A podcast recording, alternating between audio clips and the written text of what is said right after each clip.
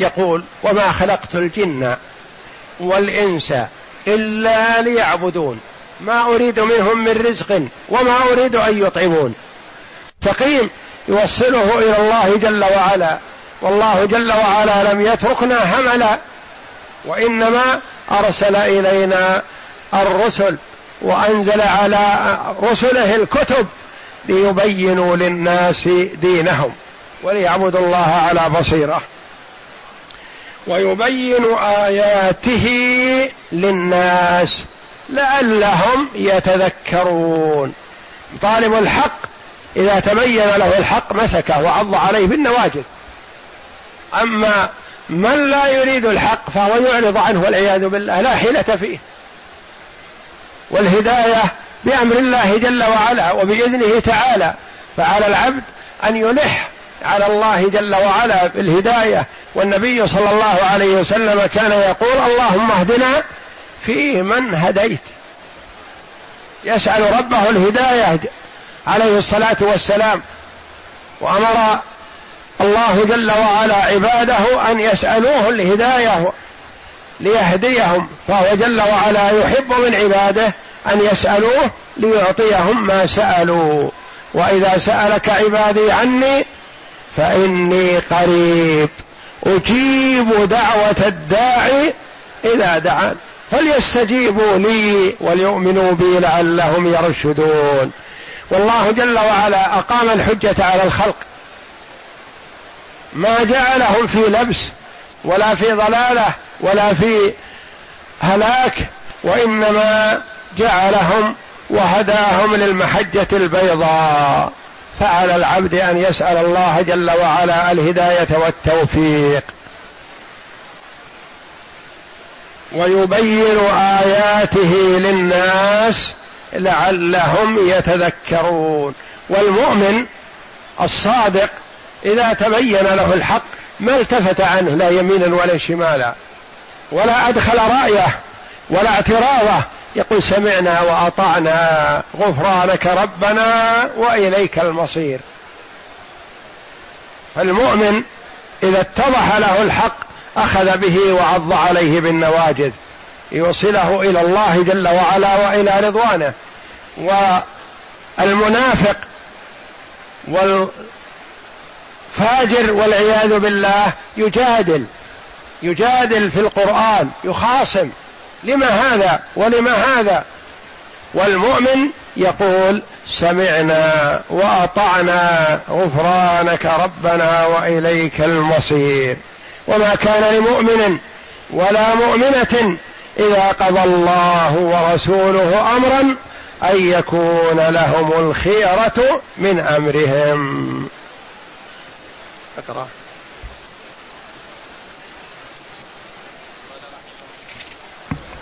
قال رحمه الله هذا تحريم من الله عز وجل على المؤمنين أن يتزوجوا المشركات من عبدة الأوثان. ثم إن كان عمومها مرادا وأنه يدخل فيها كل مشركة من كتابية ووثنية فقد فقد خص من ذلك نساء أهل الكتاب بقوله والمحصنات من المؤمنات والمحصنات من الذين أوتوا الكتاب من قبلكم من قبلكم إذا آتيتموهن أجورهن محصنين غير مسافحين. قال هذه الآية فيه نهي تزوج المشركات عموما. ثم استثنى الله جل وعلا الكتابيات. لأن الكتابيات وإن كن مشركات فهن مستثنيات بآية المائدة. والمحسنات من الذين أوتوا الكتاب من قبلكم. قال علي بن أبي طلحة عن ابن عباس في قوله ولا تنكح المشركات حتى يؤمن. استثنى الله من نساء من ذلك نساء أهل الكتاب. وهكذا قال مجاهد وعكرمة وسعيد بن جبير ومكحول والحسن والضحاك وزيد بن أسلم والربيع بن أنس وغيرهم. وقيل بل المراد بذلك المشركون من عبدة الأوثان. ولم يرد أهل الكتاب بالكلية. والمعنى قريب من الأعلم والله أعلم. فأما ما رواه ابن جرير عن شهر بن حوشب قال سمعت عبد الله بن عباس يقول نهى رسول الله صلى الله عليه وسلم عن أصناف النساء إلا ما كان من المؤمنات المهاجرات وحرم كل ذلك كل ذات دين غير الإسلام. قال أبو جعفر بن جرير بعد حكاية الإجماع على إباحة تزويج الكتابيات وإنما كره عمر ذلك لئلا يزهد الناس في المسلمات أو لغير ذلك من المعاني. وعن زيد بن وهب قال قال عمر بن الخطاب المسلم يتزوج النصرانية ولا يتزوج النصرانية المسلمة. قال وهذا أصح إسنادا من الأول. ثم قال وقد حدثنا تميم بن المنتصر عن جابر بن عبد الله قال قال رسول الله صلى الله عليه وسلم نتزوج نساء أهل الكتاب ولا يتزوجون نساءنا. ثم قال وهذا الخبر وإن كان في إسناده ما فيه فالقول فيه لإجماع الجميع من الأمة عليه.